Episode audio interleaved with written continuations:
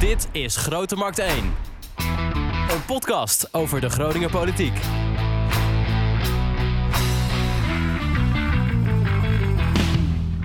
Aflevering 21 alweer van Grote Markt 1. Echo, Goedemorgen Wouter. hoe is het met je? Met mij is het eh, hartstikke goed. De zon schijnt buiten. Daar word ik altijd heel erg vrolijk van. Er komt een prachtige week aan, mooi weer. De politiek ligt op zijn gat op dit moment, dus het is best rustig en het is een moment voor reflectie. Ah, en daar hebben wij iemand voor uitgenodigd. Johan de Veer, welkom. Dank je. Verslaggever van Dagblad van het Noorden. Eh, Echo, jij eh, had, eh, heeft, hebt hem uitgenodigd. Ja, Vertel eens, waarom... eh, nou, ik ken Johan al een hele tijd. En eh, e- eerst eh, kwam ik, ik, wij komen natuurlijk niet veel in de provincie, maar af en toe komen wij in de provincie. En dan zat Johan aan dat tafeltje onder dat prachtige schilderij in die statige statenzaal. En dan zat hij dan minzaam te glimlachen en dan schreef hij zijn stukjes. En ik las die stukjes met veel plezier eh, over het algemeen. En een eh, paar maanden geleden eh, schoof Johan opeens aan, tot mijn vreugde mag ik wel zeggen, bij de persconferentie van BMW. Want hij doet niet meer provinciale staten, maar de, de gemeentelijke politiek. En dat vond ik leuk. Dus ik denk, de, er is alle reden om met hem te praten over de provinciale politiek en hoe hij nou aankijkt tegen de gemeentepolitiek. Het is een totaal andere cultuur. En Ja. daar willen we het even over hebben. Ja, Johan, hoe is het om in de podcast te zitten? Ja, dat is ook leuk. Ik eh, heb het wel eens gedaan hoor. En eh, ik vind eigenlijk dat er veel meer podcasts eh, zouden moeten komen. Ook over eh, politiek wel. Hè? Je denkt misschien wat verschrikkelijk saai. Maar ik denk dat je dat ontzettend leuk kan maken. Helemaal als je het vertaalt naar inwoners. Ja. En die er ook bij betrekt. Hè? Hoezo heeft Dagblad van het Noorden er dan geen één? Ja, we zijn erover bezig. Oké. Ja, wij krijgen concurrentie, zeg maar. Nou ja, we gaan het wel doen. En of dat eh, echt als concurrentie is, ik zie het meer als aanvulling. Ja, ik denk dat we met z'n allen gewoon hier een heel goed journalistiek en klimaat moeten creëren. Waarin we, al, waarin we iedereen de maat nemen desnoods. En eh, kritisch zijn en eh, erop vliegen. Ja, Nou, Echo. Ik ben het daar helemaal mee eens. Ja. Ik vind, eh, de, ja, eh, laten we zeggen, wij kijken naar de gemeentepolitiek en we kijken naar de provinciale politiek. We kijken ook een beetje naar het mediaklimaat in de stad Groningen. Dat staat toch behoorlijk onder druk. Eh, en daar, de, al dat soort dingen moeten eigenlijk zo direct maar eens even aan de orde ja. komen. Maar eerst, eh, Johan, waar liggen jouw roots? Nou, mijn roots liggen in Leeuwarden. Daar ben ik eh, geboren en getogen tot mijn zeventiende. Na de middelbare school ben ik in dienst gegaan. En eh, toen naar de school voor journalistiek in Tilburg. Eh, daar heb ik een vriend, mijn vriendin, eh, vrouw leren kennen op die school. En we zijn nog steeds samen. En zij kon in het derde jaar een baan krijgen in Oost-Groningen. Oh. Nou, daar was ik echt nog nooit geweest. en ik kwam daar voor het eerst met haar, naar haar familie. Haar vader had een boerderij in Midwolda. En we liepen voor het eerst in Winschoten door de Lange Straat. En ik dacht, wat zijn dat hier voor Neandertalers? Ik, ik, ik, vond dat de mensen er niet uitzagen. De armoede spatte er werkelijk vanaf. En het deed me ook wat. Ik dacht van, hoe kan dit? En eh, nou, dan ga je erover praten. En, en en, nou ja, zoals ik zei, mijn vrouw die ging daar als jong journalist aan het werk bij de Winschoten Courant. Ik ging daar ook aan het werk. Ik woonde in de Bedemerstraat. Want samenwonen, zo close waren we dan nog weer net niet. Maar, dus ik heb hier ook in de Bedemerstraat gewoond. Eh, en dan pendelde ik heen en weer. En daar deed ik sport. En ik freelanste.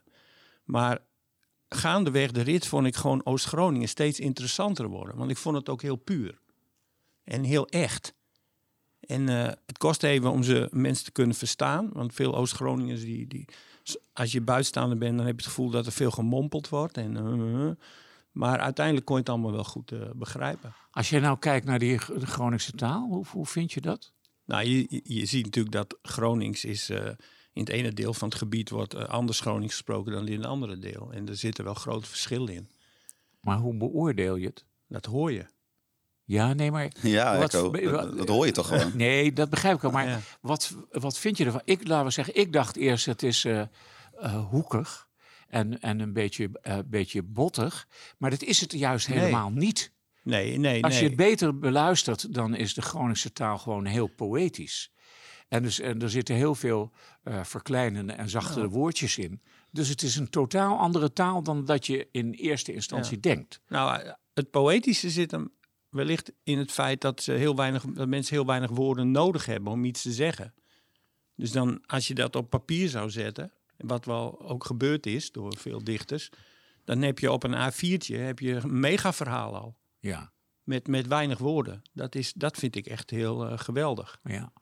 Maar je deed dus ook eh, sport in die tijd. Ja. Heb je nog wel rare dingen meegemaakt in die tijd?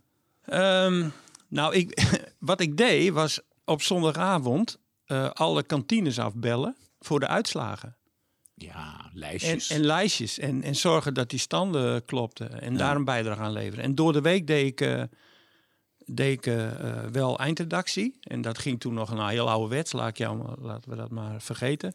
Maar in ieder geval, mijn eh, kennismaking was ook met Henk Mulder. De, de broer van Jan Mulder. Een sportverslaggever die bij ons met pensioen is gegaan. Maar die kwam dan naar boven. En die zei tegen mij, ik was eindredacteur. Als je één letter in mijn verhaal verandert, dan, dan, dan trap ik je naar beneden. ik dacht bij mezelf, wat is dit hier? Wat... Dat bevestigde een beetje het beeld van de Neandertalers, hè? Ja. de botheid. Nou ja, ik eh, heb eh, in een, eh, op een, noem je dat ook alweer, een blauwe maandag, heb ik nog, heb ik nog freelance werk voor Dagblad van het Noorden gedaan. Toen moest ik naar de, de voetbalwedstrijd Veendam-Muntendam. En de uitslag was 6-4, maar ik heb niet over de uitslag geschreven. Want er waren vier rode kaarten en de scheidsrechter werd tot aan het scheidsrechtershokje achterna gezeten door de supporters. Ja, ja, ja, dat, dat- ja korte lontjes. ja. Ja. Eh, ik las ook, jij zat bij de cavalerie.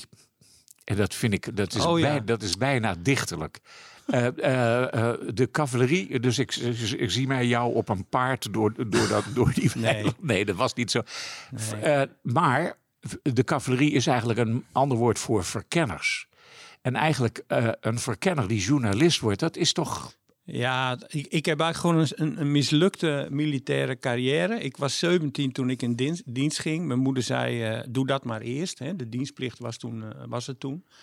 En ik belandde in eh Ossendrecht bij een motorordonnans. Hè, dus cavalerie verplaatsen is niet alleen per paard. Nee, nee, nee. En oké, dus ik op die motor en nou, ik tufte wat rond, maar ik had totaal geen verstand van techniek. Want ik had gewoon een HAVO-opleidingje. En ik werd verondersteld om in twee maanden te kunnen sleutelen aan die, aan die, aan die, aan die motor. Nou, dat werd helemaal niks, dus ik ben daar gewoon weggetrapt. Dus ik kwam daar op een kantoortje en die man zei, eh, jij gaat naar Vlieland. Ik zeg, Vlieland? wat, wat is daar dan? En toen zei hij, ik zei, wat moet ik daar doen? En toen zei hij, ja, dat weet ik ook niet. Dus, hup, op transport. En toen kwam ik op Vlieland en toen werd ik daar achter een bar gezet. ja, Al- Als dienst. ja. En toen dacht je, ik, En en toen, toen, dacht eh, je, ik word journalist. Nee, nou, dat was de volgende stap. Want ik had natuurlijk geen reet te doen. Want overdag sta je achter een, of 's avonds sta je achter een bar. Soms tot diep in de nacht. Dan lapten ze een paar centen. En dan bleef je wat langer. En, eh, maar overdag ging ik dus een studie journalistiek doen bij het LOI. En eh, nou, dat, dat ging heel relaxed. En vond ik ook wel geinig. Ja. En ik was ook best wel eh, nieuwsgierig en ik bemoeide me altijd overal wel mee. En een grote bek en zo, dat, dat zat er ook allemaal wel een klein beetje. Overal wat van vinden en zo. En eh, ben ik die kant op gegaan. Heb ik dat na de diensttijd eh, heb ik me aangemeld bij de school van journalistiek. En zo had je, in, wat voor gezin groeide je op? Werd er gepraat over politiek bijvoorbeeld? Nee, eigenlijk totaal niet. De ene helft van mijn familie is Indisch. Dus dat, dat, dat is een geschiedenis van mijn opa die een knilmilitair was eh, bij de Burma spoorweg eh, heeft overleefd. Hè? Dat is die spoorweg waar zoveel mensen bij omgekomen zijn. En na de oorlog eh, nog geprobeerd om in Indonesië te handhaven. Lukte niet, land uitgeschopt en hier gekomen. Eh, en de situatie van mijn Indische familie vond ik heel schrijnend. Ook als kind al. Ja. Ik, ik, ik voelde dat, dat, dat, daar, dat die mensen gewoon niet gelukkig waren. En, en, en dat, dat, heeft, dat speelt vandaag in mijn journalistieke werk nog een rol. Want ik heb heel veel met de underdog. Dus als mensen ergens tegen zijn of protesteren, dan vlieg ik er altijd met veel plezier op af. Niet om ze allemaal gelijk te geven, maar om te snappen van wat is hier aan de hand. Weet je Ik, wel? ik heb die, die documentaire gezien over het vertrek daar en eh, de aankomst in Nederland. En dat ze dan bijvoorbeeld in een kamp als Westerbork onder bizarre omstandigheden eigenlijk. ja. Wat was dat slecht georganiseerd en bijna vreed. Dat mensen kregen gewoon batsch, zo'n plak boerenkool op een bord gesodemieterd en eet dat maar op. voor iemand die dat heerlijke, delicate Indische eten gewend Nou, is. je moet even onderscheid maken tussen de knillers die eh, eh, de Indo, tot de Indo's eh, behoorden, Ja, de Indischen, en de knillers die Moluks waren. ja. Want de Molukkers werd gezegd, daar dan werd tegen gezegd, jullie gaan terug. Ja. Nou, hebben we laatst Maar eh, bij niet- de ja. stadhuis hebben we daar een vlag voor gehezen. Exact. Maar bij de Indische mensen niet. Die werden gewoon verondersteld om te blijven en die wilden dat ook wel. Dus dat is een heel groot verschil. ja.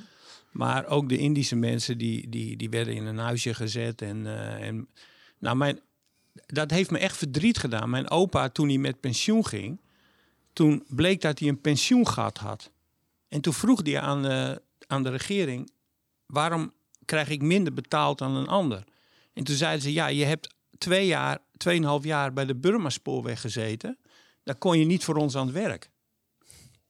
Terwijl die man gewoon krijgsgevangen was, Ja. was genomen in een, in een strijd. Terwijl hij voor Nederland. Ja, Ja. nou dat, Maar is dat ook waar je dan door... dat is eh, een drive hoor. ja, dat is echt een drive. Dan, dan, dan, dan wil je onrecht, wil je gewoon zien ook hè.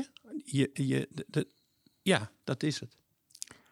Dus de keuze eh, om journalistiek te gaan doen, dat, dat is een soort on, eh, eh, eh, rechtvaardigheidsgevoel. Ja, en dat werd natuurlijk in Oost-Groningen heel erg versterkt hè. Ja, Want Oost-Groningen is ook gewoon sociaal en economisch lange tijd gewoon echt achtergesteld geweest. Hè? Het gaat denk ik langzamerhand wel wat beter, hè? gelukkig maar.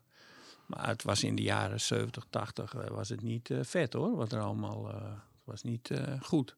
nee. Maar je hebt heel lang heb je dan dus de, ook de provinciale, zeg maar het provinciale nieuws voor Dagblad gevolgd. Nou, na het sport, na de sport ben ik even verkast, hè, een paar jaar. Want wij hadden toen de gewoonte geld verdienen, reizen, geld verdienen, reizen, geld verdienen, reizen. Want we dachten van als je jong bent, dan heb je geen geld, maar wel energie. En als je oud bent, dan eh, heb je wel geld, maar geen energie meer. Dus hup, gaan. Drie jaar tussenuit, toen weer teruggegaan naar Oost-Groningen. Waar ben je naartoe gereisd? Oh, overal wel. eh, Australië, Indonesië, Thailand, Burma. Ik heb die spoorweg gezien. Ja, Eh, door Rusland heen. Die hoek ja, eigenlijk. China. ja. Ben, ben ik drie maanden geweest. In, in, eh, Dan heb je ook een hoop tragiek gezien. Ja, zeker. Ja, zeker.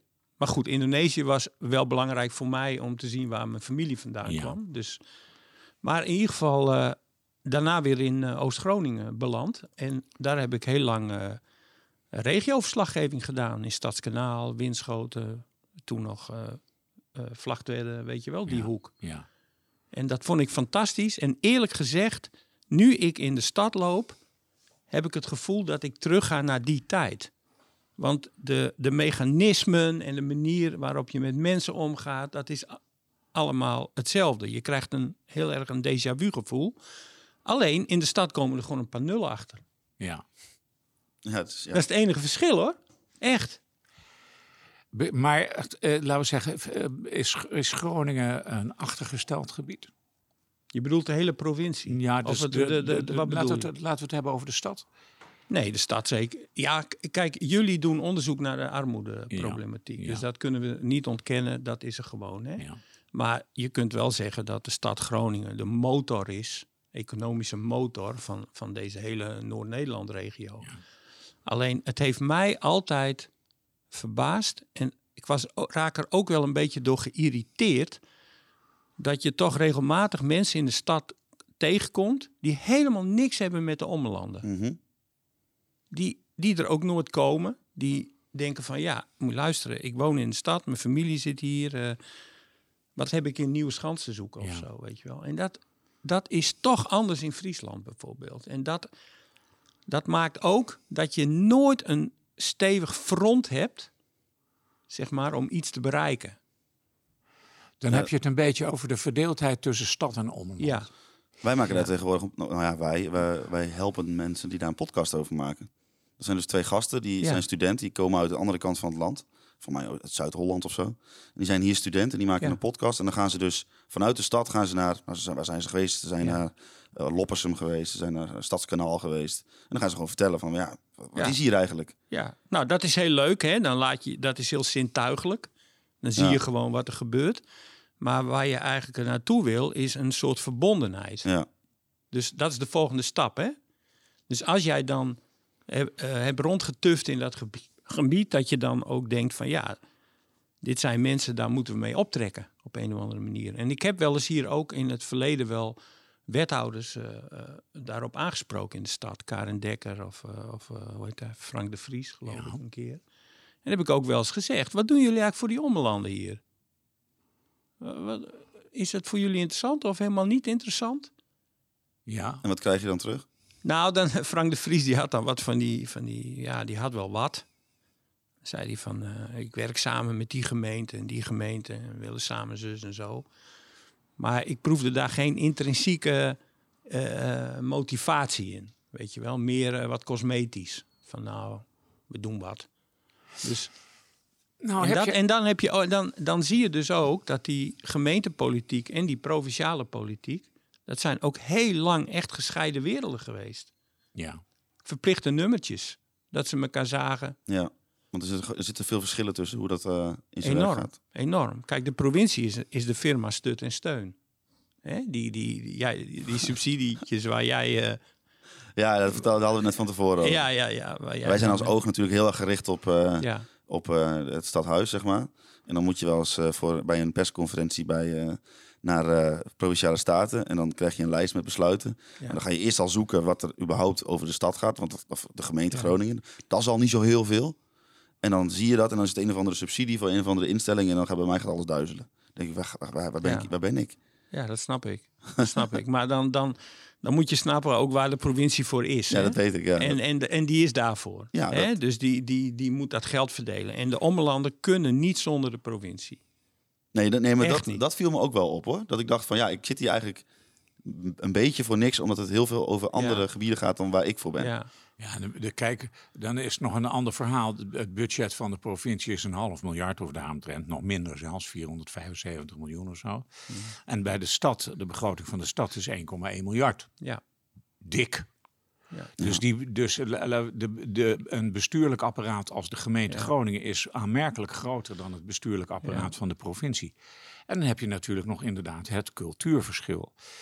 Eh, Ja, jij hebt het altijd over de broodjes, kroket en groentesoepcultuur. Ja, dus ik, vind- laten we zeggen, ik vind het provinciehuis een prachtig eh, gebouw. Echt Ja. een schitterend gebouw.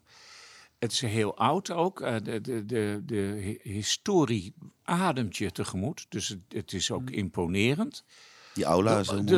De, de omgangsvormen in het provinciehuis. Nou, zo'n vergadering begint een half uur van tevoren met iedereen die elkaar een hand gaat geven. En dan, dus ze beginnen om negen. een eh, elleboogje of... eh, Ja, nee, goed, natuurlijk. Maar laten we zeggen, een vergadering begint om negen uur, maar zijn allemaal om half eh, negen zijn ze al, want dan staan ze met elkaar te babbelen en te praten enzovoort enzovoort. En dan inderdaad tussen de middag eten ze een groentesoep met tegenwoordig een veganistisch kroketje. Tot groot verdriet van Johan, want die wil natuurlijk gewoon een rundvleeskroketten. Of zoiets dergelijks. Ja, wat is dat? Is dat, eh, dat is nieuw? Ja, dat is nieuw. De, de, de, de, coalitiepartijen onder aanvoering van GroenLinks, die hebben, de rol, hebben het omgedraaid. Dus als je nu vlees wil eten, moet je dat apart aangeven. Oh ja. Kijk, en zij moesten van tevoren aangeven als ze iets vegetarisch wilden. En dat vonden ze kennelijk, eh, ja, ja, dat vonden ze niet leuk. Dingen veranderen. Ja, nou, ik, het zal. Het zal. maar, maar wij maar ik te- vraag wij, wij eten tegenwoordig- tegenwoordig mee hè, met de gemeente Groningen. Ja, dat ja. was voorheen niet zo, hè? Dat gebeurde eh, af en toe. Het hangt er ook een beetje van af. Maar hoe. het is nu standaard, hè? Heb je het wel door? Is Heb je het in de gaten? standaard? Ja. Nou, eh, ik De- hoor, daar weten en wij de- niks van. Wij zijn Nou, nog nooit nee, uitgenodigd. Nee, Nee, sterk maar- nog, maar- toen wij de laatste keer... eh, t- kijk, wij komen niet zo vaak bij die, de, bij die de live debatten, zeg maar, de raadsvergaderingen. Dat doet oog niet zo, want dat is allemaal eh, qua personeel en hebben we weinig tijd voor. Dus ik zit meestal op mijn laptopje thuis te kijken. Dat heeft als voordeel dat ik niet zo in die nauwe stoeltjes hoef te zitten en dat eh, ik gewoon allerlei dingen kan doen. Een wijn, wijntje bij drinken. Een wijntje. En dat doe jij dan ook gewoon? Dat, doe ik dan. En dan volg ik die debatten. Maar de laatste keer dat wij dus daar zaten, dat was eh, bij dat dift, Ja. merkwaardige Diftar-debat. En toen werden wij gewoon weggestuurd. Wij mochten niet mee eten. Maar toen hebben we bij Friet van Piet gegeten. Toen hebben we bij Friet van Met, Piet eh, gegeten. Nou, dat is verleden tijd nu. Je kunt gewoon aanschuiven. Oké. Het- Maar dat, eh, laten we zeggen, dat viel mij dus op. Dat er, er is een enorm cultuurverschil tussen de provincie eh, Groningen en... eh, maar jij, Ja, bent dat, jij hebt dat gedaan. Ja. Wat, hoe, en jij loopt nu een beetje mee in, die, in de gemeentelijke politiek. Welke cultuur spreekt je meer aan? Ja, dat is dat een onaardige vraag? Ehm, ik vind dat eh, beide bestuurslagen hebben recht op een eigen cultuur. Hè? Dat komt ook omdat ze gewoon anders in de wedstrijd zitten. Hè? Dus de, de gemeente zit heel kort op de inwoners. De provincie is, die vliegt vaak wat hoger over. Dat, dat, dat is wat een hoger abstractieniveau. Dus dan moet je ook gewoon accepteren dat daar een ander soort cultuur bij hoort. Toen ik begon was het een beetje Eerste Kamerachtig, zo'n chambre de réflexion, weet je wel. Nou, dat is ook wel wat veranderd door, in, door social media. Iedereen vindt ook ergens wat van. Dus tegenwoordig staan statenleden ook tamelijk onder druk hè, van de publieke opinie. Maar ehm, ik vind dat dat naast elkaar moet kunnen bestaan. Ze hoeven niet op elkaar te lijken. Ze hoeven elkaar niet te kopiëren. De een hoeft. Hè? En, en wat hier in de stad eh, heel erg geldt, de mensen, eh, zo, bestuurders horen hier ook dicht op de mensen te zitten en andersom. Nou En- zit ik al een tijd in die gemeentepolitiek. En dan, dan, en jij zegt, eh, bestuurders horen dicht op de mensen Ja. te zitten. Denk, dan, dan, dan hebben we het natuurlijk over de- het vertrouwen van de mensen in de, in de Mhm. politiek. Dus we hebben natuurlijk de landelijke politiek, de gemeentelijke politiek en de provinciale politiek. Hoe zit dat met het vertrouwen van de mensen daarin, denk jij? In, in, in Ja. het algemeen? Ja, nou, Nou. la- laten we zeggen, Nou. hoe zie je dat Nou, als je kijk, kijkt naar kijk. die drie lagen? Oké, oké. nou je ziet dat eh, eh, of het nou de gemeente is of de provincie, eh, ze zijn heel druk met zichzelf. Ze krijgen uit Den Haag allemaal beleid over zich heen gestort en ze moeten daar chocola van maken. Ongelooflijk ingewikkeld. Krijgen ze geld, moet gecontroleerd worden of het goed besteed wordt. En het moet dan aan zus en zo worden besteed en, en niet anders. Dat beleid wordt in de stijgers gezet door ambtenaren. En die ambtenaren zien bestuurders als hinderlijke passanten. Dat zijn het gewoon. Dat klinkt grof, maar dat is zo. En wat jij net ook al aangaf, ze zijn binnen vier jaar weg. Want, komt een ja, andere. Ja, omdat mensen dan vervolgens andere politici, andere partijen kiezen, Ja, dus- voorkeuren hebben. Een soort- van dat als je, je bent net ergens lekker mee bezig en dan komt er weer een nieuwe en kun je weer iets anders gaan doen, zoiets. Ja, dat is gewoon wat het is. Ja. Hè? De stuivertje wisselen. Eh, dan is GroenLinks de grootste. Dan is de Partij van de Arbeid was lang de grootste. Nou goed. In die situatie hebben ambtenaren het, het tamelijk voor het zeggen. Die zetten het in de stijgers. En die hebben continuïteit nodig. Die willen niet om de vier jaar hun beleid moeten switchen. Hè? Dus Ja. die schrijven dat zo op dat ze heel makkelijk met de komende vier jaar, de volgende vier jaar weer met een andere partij daarmee verder kunnen. Dat zie je nu bijvoorbeeld in de stad, vind ik, met het parkeerbeleid en hoe je met het centrum en auto's eruit en al de, de hele handel opnieuw inrichten in die wijken. Dat zijn allemaal visies. Hè? Ja. En die worden met pilotjes worden die dan uitgevoerd, maar in een de wethouder die, die, die zegt dan van eh, het gaat gebeuren en een belangrijke stap. Maar het, gaat, het tempo wordt bepaald door de ambtenaren, niet door de politiek, En wat, denk eh, ik. En dus is de macht van de ambtenaren in de stad, de is denk ik tamelijk groot. En heb je daar ook dan eh, verder zeg maar, zelf een waardeoordeel over? Of is het gewoon iets wat je constateert en daar vind je verder niks van? Ja, da- da- daar vind ik wel wat van. Want ik, ik denk dat, dat je moet oppassen dat ambtenaren, hè, en je hebt hier in deze stad heb je ruimtelijke ordening, economische zaken, dat is traditiegetrouw, is dat een, een, een, een, een grote jongen Ja. in het hele spel. Ik denk dat wie ook maar wat wil, moet langs die afdeling. Nou, en de mensen die daar aan de roer staan, die hebben het volgens mij. eh, die, die, die, en dat is ook een deel van hun verantwoordelijkheid. Hè? Denk er goed om. Het kan niet zo zijn dat als er eh, andere poppetjes komen, dat het hele boel weer eh, op de schop gaat. Wat denk je wat dat kost? Ja. Dus dat is een soort samenspel wat heel nauw steekt. Nou, terug naar de vraag. Dan wordt dat beleid uitgestippeld.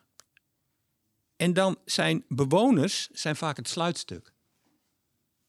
Snap je? Ja. Dus eh, we hebben wat bedacht. Oh ja, god, we, er wonen hier ook mensen in Groningen. Oh ja, die moeten we ook nog even bellen.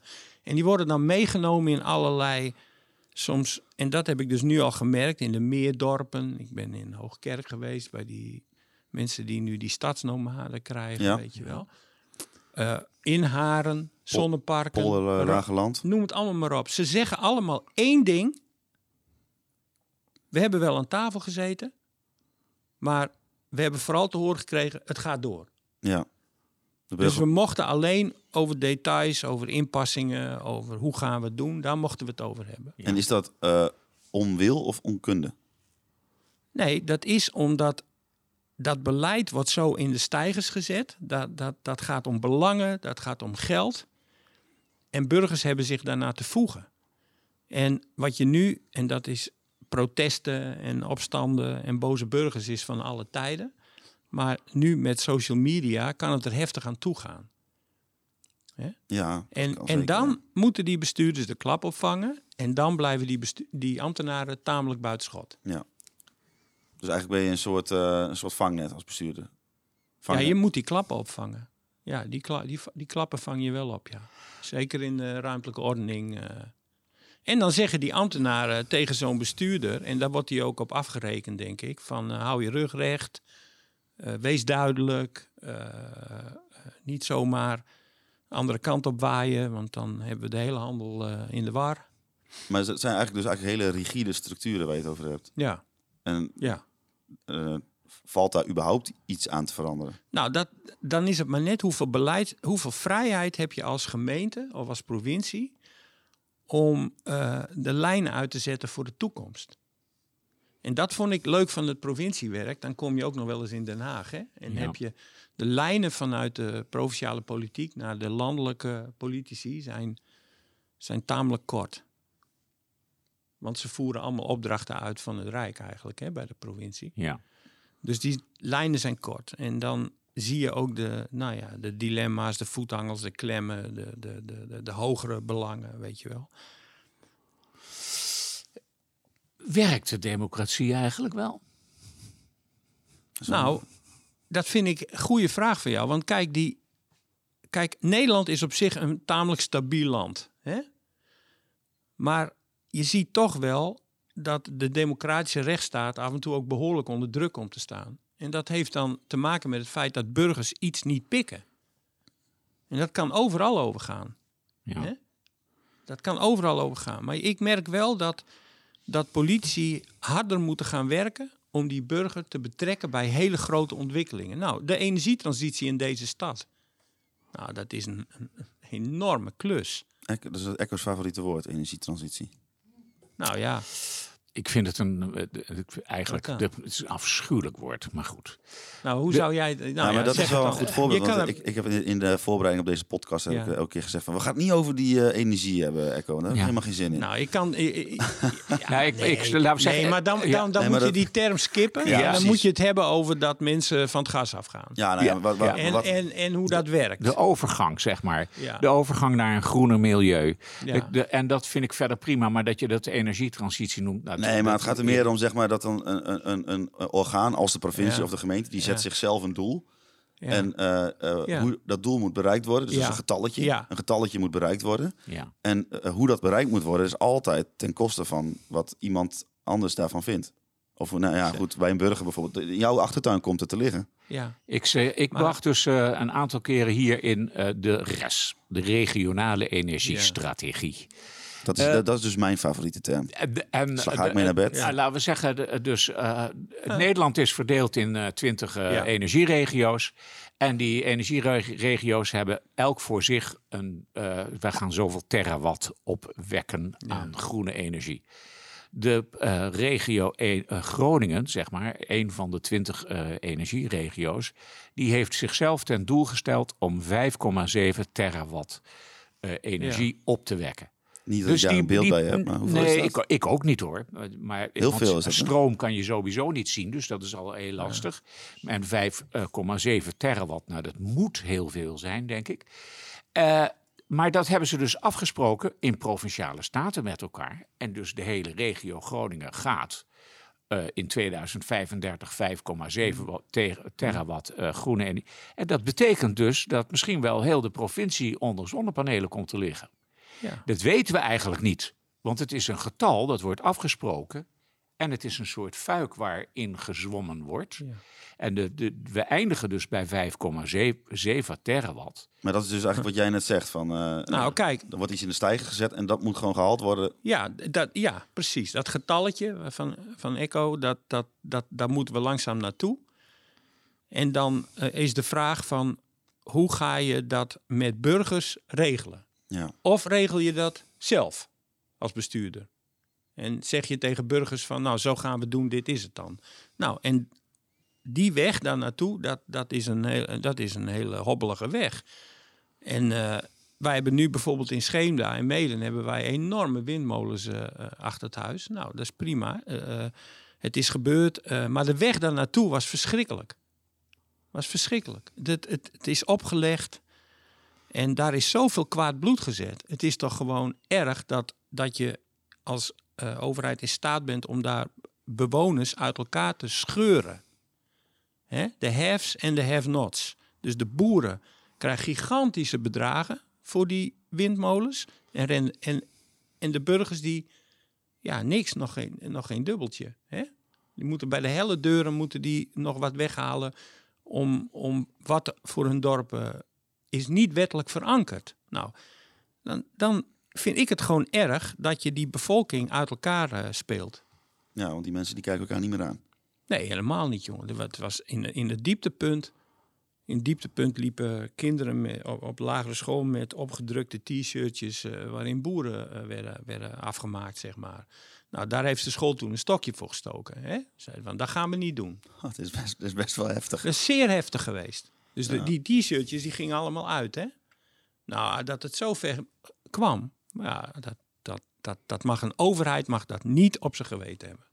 Nee, en dan is, de, laten we zeggen, dan is de vraag, en en ik herhaal de vraag een beetje eigenlijk, hoe, hoe, werkt, die, eh, hoe werkt die democratie eigenlijk wel? Als, je, als, het, als het, laten we zeggen, als het eigenlijk blijkt dat de ambtenaren zijn die de boel besturen, Nee, let, nee kijk, die ambtenaren die, die rijden dingen voor. En bestuurders geven daar een klap op. Dus die bestuurders die moeten ook kritisch zijn naar die ambtenaren. Dat, dat, die moeten tegen die en zie jij ambtenaren dat? zeggen. Die zie, moeten jij dat? tegen- zie jij dat? Nou ja, dat ga ik nu in Groningen zien. Hè? Maar bij de provincie zag ik het af en toe eh, behoorlijk ontsporen. Nou, neem dat stikstofbeleid. Ja. Hoe, dat met die, hè, hoe dat met die boeren in de regio is. Nou, ja. Dat was een drama. Ja. In het begin helemaal. Maar dat is toch hetzelfde eh, voorbeeld als in de beleidsbepalers noemen een getal. Dat moeten we halen. En dan Ja. komen ze er op een gegeven moment achter, oei, dat halen we niet. En dan gaan ze gewoon, oh ja, daar kunnen we wel wat weghalen. En daar en daar, zonder dat je... Dat, het, Ja. Maar je, je legt jezelf ook niet alleen een, een doel, maar ook beperkingen dan. Ja, maar die bestuurder die weet, misschien ben ik er over vier jaar niet meer. Dus ik moet me even, ik word hier niet eh, populair van. Nou, dat is dan maar zo. Ik doe mijn werk. Hè, en dan gaat Ja. hij weer weg en dan komt er weer een ander. Er is voor burgers vaak ook geen continuïteit. Hè, dus die, die, die, die, die, die burger die heeft toch te maken met die ambtenaar die op bezoek komt. Of die wethouder. Maar na een tijdje is die wethouder misschien weer weg. Dus dat is ook lastig hoor. Ja, met wie heb je te maken? Wat is de overheid Wat eigenlijk? dat betreft is het niet heel gek dat eh, de premier eh, elke keer herkozen wordt misschien. Of tenminste zijn partij. Want dat is de enige vorm Nou van ja. continuïteit die we op dit moment in dit land eh, politiek gezien hebben dan. Ja, en dat hij gewoon regelmatig zo, met het grootste gemak van de wereld sorry zegt. Ja, dat lukt hem aardig, ja. Kijk, kijk, wij hebben ook het aardbevingsdossier, hè? Nou, Ja. dat is één grote sorry-exercitie. Ja. Hè, er gaat zo gruwelijk veel mis. En elke keer wordt er gezegd sorry, er wordt een doeltje bijgesteld op een hele ambtelijke manier. En ondertussen zitten mensen gewoon in overschild eh, in de prut. Waarbij ik me dus afvraag of mensen in de stad dat wel weten. Hoe erg het daar is. Nou. Hè? En dat daar mensen in de prut zitten. Te handelen met hun eh woning. om- Ik denk wel dat ze dat weten in de stad hoor. Ja? Ja, ik heb, eh, laten we zeggen, eh, maar dat, ik denk, ik ben niet zo bang als jij voor, voor het verschil tussen stad en omland. Ik zelf kom regelmatig in het omland. Ik vind het prachtig. Ik ben een enorme fan van de Karel Koenraadpolder. De mooiste vergezichten van Nederland. Eh, dus eh, ik, ik ben niet zo bang dat, dat ze dat eh, in de stad niet zien. Ik denk wel, studenten of zo, die zijn er minder mee bezig. Maar ik denk dat veel Groningers wel oog hebben voor het omland en de schoonheid daarvan. Ja. Ik vraag me af, als je nou gaat kijken naar. want we moeten een beetje naar de politiek terug hebben. Als we nou gaan kijken naar eh, leden van provinciale staten en raadsleden. Die mensen zitten eigenlijk relatief steeds korter daar. Raadsleden zitten er nog veel korter dan statenleden, is mijn eh, gevoel. Is nou de, de als die lui eh, zeg maar een omloopsnelheid hebben van minder dan vier jaar. Dat, de, de raad stevend daar aardig op af hoor. Er zijn maar weinig raadsleden die echt twee of drie periodes volmaken.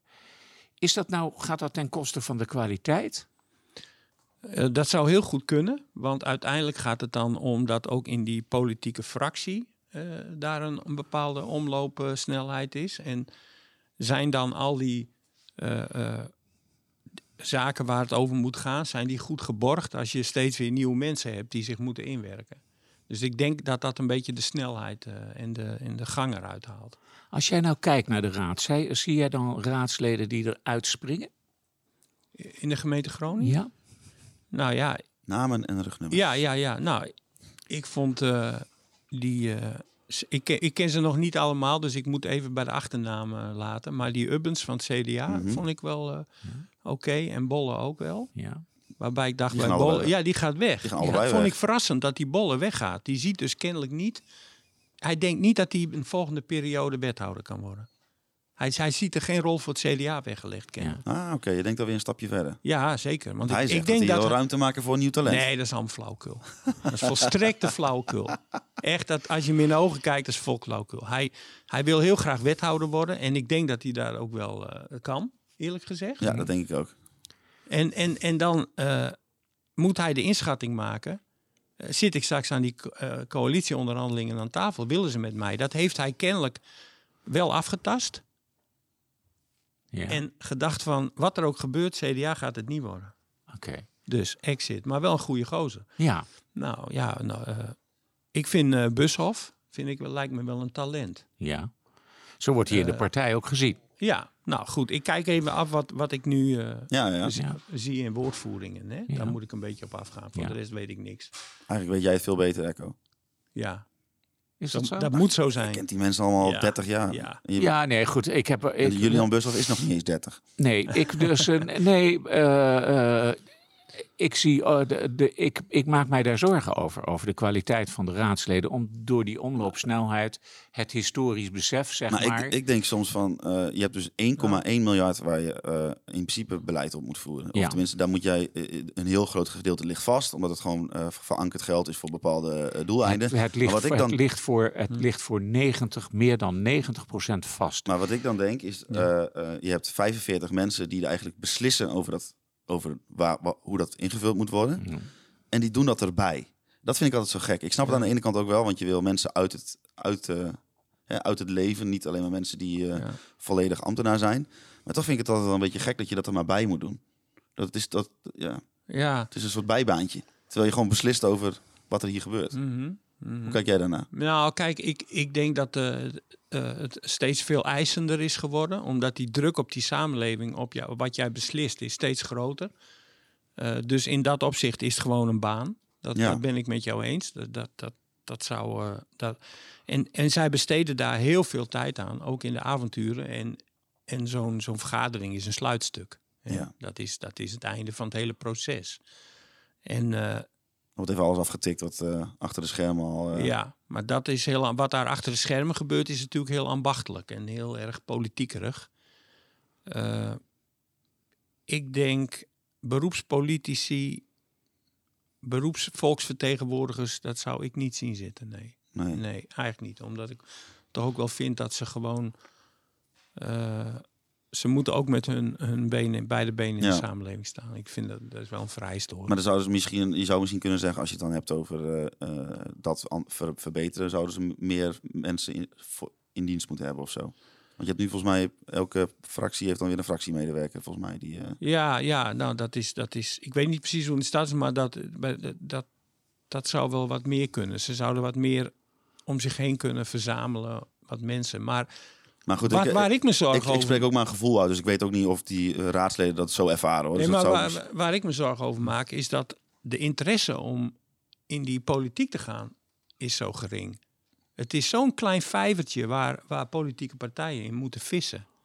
Weet je wel. Ja. Het is, er zijn zo weinig mensen die dat werk eh, willen doen, die het daarvoor over hebben. Die, daarom moet je ook, daarom moeten, tenminste, dat spreek ik voor mezelf, ik heb er ook wel compassie mee.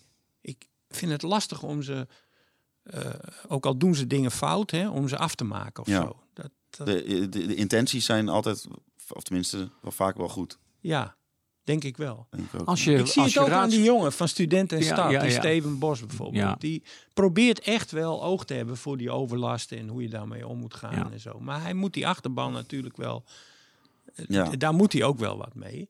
Maar je ziet, je ziet het schuren en dat schuren maakt hem juist dat ik denk van ja, dat is goed. Ja, wat ik zie bij eh, raadsleden, ik zie een enorme betrokkenheid bij de stad, een enorme inzet ook. Eh, mensen steken daar heel veel tijd in. Dat, je, dat levert niet veel aanzien op, eigenlijk. Dus het, eh, dat ze dat doen is gewoon uit liefde voor de stad. Dan lopen ze ook nog heel vaak tegen zichzelf aan, omdat ze zich moeten onderwerpen, bijvoorbeeld aan fractiediscipline.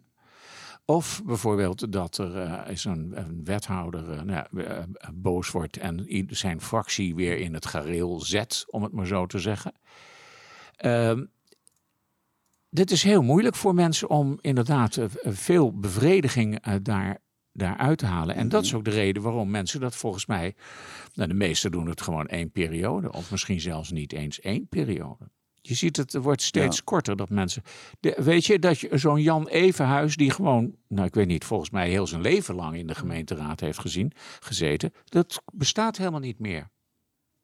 Dat zijn mensen die doen het één of twee perioden. Jan-Pieter Loopstra is, dan- die is, is aan zijn tweede periode. En dat is Nou, je hebt nu bijvoorbeeld eh, wethouder eh, Inge Jongman, die natuurlijk wel ook al voor eh, lang eh, ja. in de raad zat. Dus dat is wel een voorbeeld van Ja. dat het nog wel kan. Ja, maar, Maar goed, ja, dus Inge een- Jongman is natuurlijk wethouder geworden. Ja, en die dus- heeft nu een hele andere rol. Zeker. Maar ehm, eh, we, zitten in 2021 en over een, nou wat is het, drie kwart jaar, dan gaan we weer eh, stemmen. Dat is altijd mijn favoriete tijd van het jaar. Ik vind stemmen heerlijk. Geweldig. Ja? Ja, vind ik leuk. Ja, Oké. kun je gewoon eh lekker de, eh, de gezeik weer op elkaar, vind ik heerlijk. Maar eh, hoe kijk jij naar die verkiezingen van volgend jaar?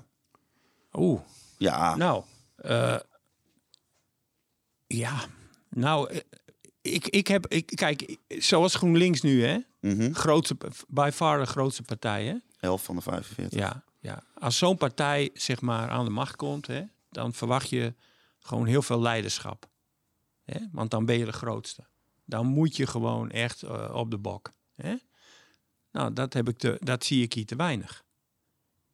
Dus je, je, je, je denkt van, eh, ik hoop dat, dat je dan denk je van, nou, zo'n partij heeft dat niet laten zien, echt. Ik, jij zegt, eh, je, je ziet het weinig. Ik denk dat dat een understatement is. Ja, nou, Echo, je moet me niet kwalijk nemen. Ik loop nog maar net eh, als een soort Alice in Wonderland door de stad heen, hè, op dat terrein. Dus eh, ik wil me niet, ik vind het ook een beetje aanmatigend om het af te zagen. dat vind ik, nee, dat, Ja, moet, dat- moet, niet, moet niet doen. Dat is niet goed voor zo snel al. Maar Volgend Ik- jaar. ik zie, ik zie niet dat leiderschap in woord en gebaar. Dus, maar Ja, Hè? ik, En- ik zie het en- ook niet hoor. En, eh, en dus vraag je je af van als die studenten dat, dat, dat heb ik ook altijd wel heel apart gevonden. Dat studenten hier in feite de uitslag voor een groot deel bepalen. ja. Dat is met- zo'n gekke situatie eigenlijk. Want die zijn, met, eh, die zijn nog, eh, nog sneller weg dan een gemiddelde raadslid. Ja, Die overleven hun eigen ja stem dus, waarschijnlijk dus eigenlijk, wie, wie is hier nou de baas dan? Hè? Zijn dat de studenten die, met, met, die dan één keer per vier jaar naar de stem Waarschijnlijk zijn studenten vrij stemgetrouw. Ja, nou ja, die, Ja, die hebben hoe veel. bedoel je dat? Nou, ik denk dat eh, in mijn, toen ik student was, al, iedereen die ik kende ging stemmen. Ja, en waarop?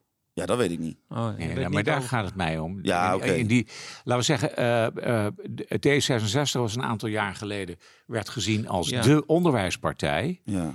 En jongen, de, nou, de, werd, en ze waren de grootste partij. Paul de Rook en Ton Soor die eh, gingen in het eh, colle- college zitten. Dat was toen ongekend eigenlijk. Eh, zo- Zo'n partij, en dat was een enorme overwinning. Nu dus recentelijk, Maar- hebben we gezien, of recentelijk drie jaar geleden hebben we gezien... drie wethoudersposten voor GroenLinks. Is ongehoord. Grote verantwoordelijkheid voor de burgemeester, hè? Ja, De vorige burgemeester heeft dat heel goed gedaan. Die kreeg een club jonge honden in de schoot geworpen. En heeft hij heel goed heeft hij dat begeleid, dat proces. Heeft hij ze beter gemaakt, geprobeerd beter te maken en zo. En dat moet Schuiling, die heeft dat nu ook. Hè? Die moet nu echt ervoor zorgen dat die wethouders een beetje, een beetje ja, dat die niet afglijden, wegglijden, de verkeerde kant op roetsen. Maar iemand als Paul de Rook, hè, de, de, de, dat was dus eigenlijk een routinier. eh, eh, Ja. Twee periodes wethouder geweest, bijna twee volle periodes. Dat is eh, de- normaal, twee, twee periodes is eigenlijk wel normaal voor een wethouder in Groningen, geloof ik. Maar we- de Rook, die gaat eigenlijk weg en die neemt toch wel een beetje afscheid met, met een verhaal over dat hij niet heel erg gerust is op hoe de democratie zich op dit moment aan het ontwikkelen is. En het eigenlijk ook lijkt wel haast een reden voor hem om terug te treden. Nou, dat weet ik niet, Echo, of dat nou zijn reden is. Eh, dat, dat weet ik niet, dat weet ik niet. Maar heeft hij aangegeven waar hij dan zich specifiek zorgen over maakt? Nou, over de, verru- de verruwing in de politiek.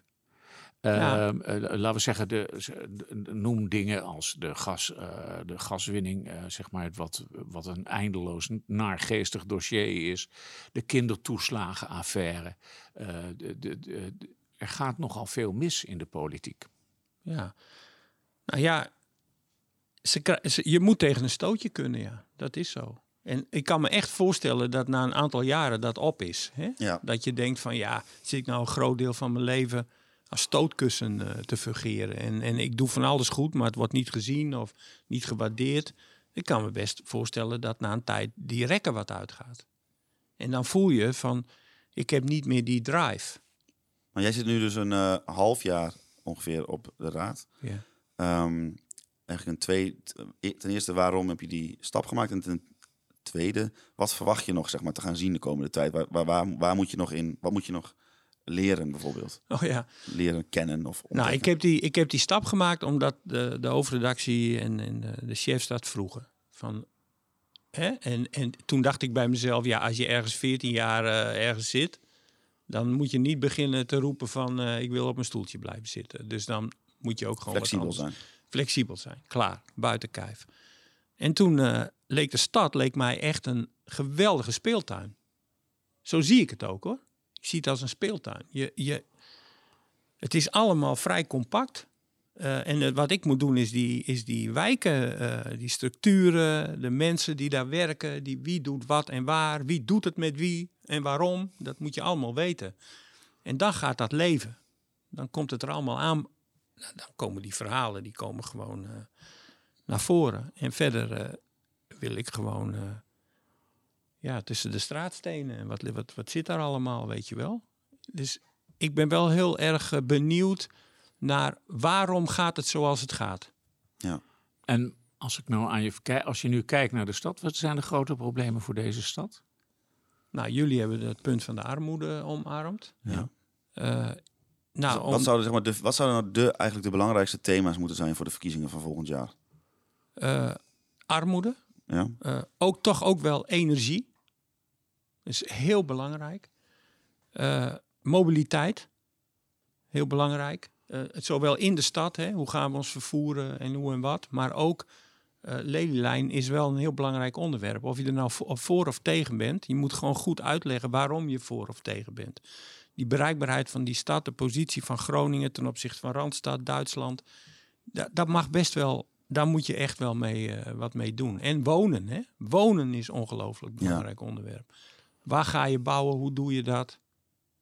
Eh, en dan niet alleen maar stenen stapelen, maar ook kijken van, nou, we hebben die ellende in Limburg gehad. Nou, hier, is, hier hebben we dan andere soorten watersnood, kun je hier hebben.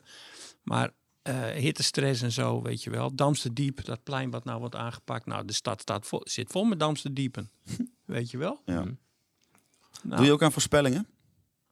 nou, bijna nooit. Wat Nou, dan? Nou, wie gaat het er winnen volgend jaar? Nou ja, dat is... la- eh poeh, poeh. Nou ja, je hebt het bijvoorbeeld over GroenLinks. Nu de grootste partij in de, in de raad. Houden ze dat vast? Nou, dat, die kiezer is zo onvoorspelbaar. Ik denk dat voor een deel wordt ook gewoon de uitslag bepaald door wat er landelijk Ja, speelt. landelijke trend. Dat, daar kan je niet omheen. Dat denk ik ook. Dus als eh, Jesse Klaver er niks van bakt, dan zakt GroenLinks hier ook weg. Ja, best wel raar eigenlijk. Ja, dat Ja. is zo. Dan moeten wij maar beter ons best doen. We, gaan, we moeten ons stinkende best doen. En, en dat, dat vind ik echt hoor. Ik vind, Ja, ik ligt, dat komt door ons. Ja, nee, wij, wij, wij, moeten gewoon meer laten zien en, beter, en het beter laten zien en beter duiden. Ja, maar ja, goed. Dat, eh daar Maar ik we- denk dat we vooral heel erg in gesprek moeten gaan, ook als journalisten, met de Groningse bevolking. Wat is hier aan de knikker? En niet naar de mond praten. Hè? Dus als mensen iets niet willen, dan moet je niet gewoon dat allemaal opschrijven en zeggen, oh ze willen het niet en help, help, help. Maar dan moet je ook met die mensen praten van waarom wil je het niet? Of wil je het misschien anders? Dus snap je wat ik bedoel? Het- wij moeten als journalisten gewoon heel, heel erg ook eh, mensen die boos zijn en zich op social media negatief uiten, moeten wij ook het gesprek over aangaan Ja. met hun. Nou, dat, dat- brengt ons bij, eh, bij het mediaklimaat in Groningen. Hoe beoordeel je dat? Het journalistieke klimaat Ja. bedoel je? Dus, eh, dus eh, eh, wat ik zie is bijvoorbeeld eh, re- regionale of de huis-aan-huisbladen, zeg maar. Dat is iets wat er eigenlijk totaal weggevallen is. En de, de, die huis-aan-huisbladen die we overhouden hebben eigenlijk geen redactioneel meer. Dit is allemaal verdwenen. Dus er zijn drie, drie media in de stad, volgens mij Dagblad, eh, RTV Noord en Oog. Zie ik dat juist?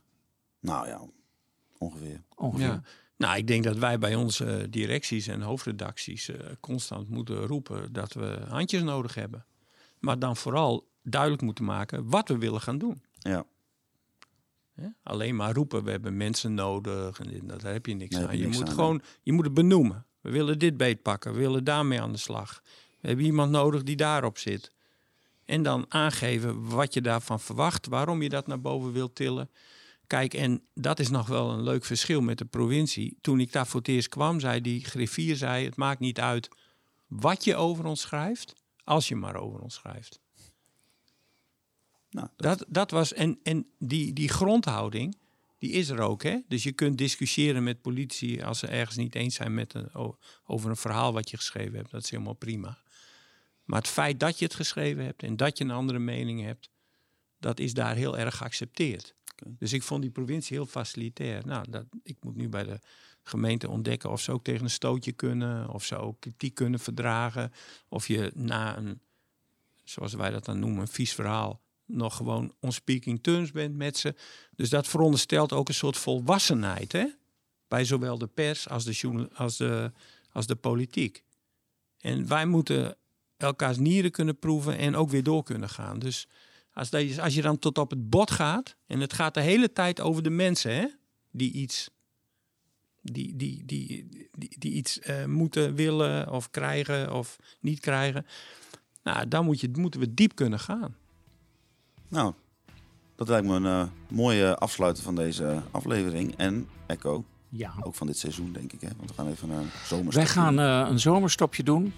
We gaan een, een, eh, het afgelopen seizoen eens even eh, evalueren. evalueren. Ja. En dan eh, eh, komen wij na de zomer terug. Ja. En dat zal, en dat weten we alvast wel. Dat gaat er een beetje anders uitzien dan dat het er nu uitziet. Ja. Maar wij kijken natuurlijk met heel veel genoegen en plezier uit naar de komende eh, raadsverkiezingen. Ik neem aan, eh, Johan, dat we dan ook met jou daar nog wel eens een Ja, keer over vast gaan wel. praten. Bedankt in ieder geval dat je nu eh, eh, hierheen wilde komen en je mening, verhalen en alles wilde delen. was eh, interessant, leuk. En eh, succes ook met, eh, ja, die, eh, met voor opkomen voor de underdog. Ja, dat hoort er ook bij. Jazeker. Hè? Dus Eh je drijfveer. Ja, Mooi. Echo, Ja, dankjewel. goede vakantie. Ja, ja, ik ben volgende week ga ik even weg. Mooi zo. En eh, natuurlijk eh, Suzanne Grijs en Henk Cuperus bedankt voor eh, de ondersteuning en het filmen en alles wat ze allemaal, allemaal wel niet voor ons doen. Tot na de zomer en bedankt voor het luisteren weer naar deze aflevering van Grote Markt 1.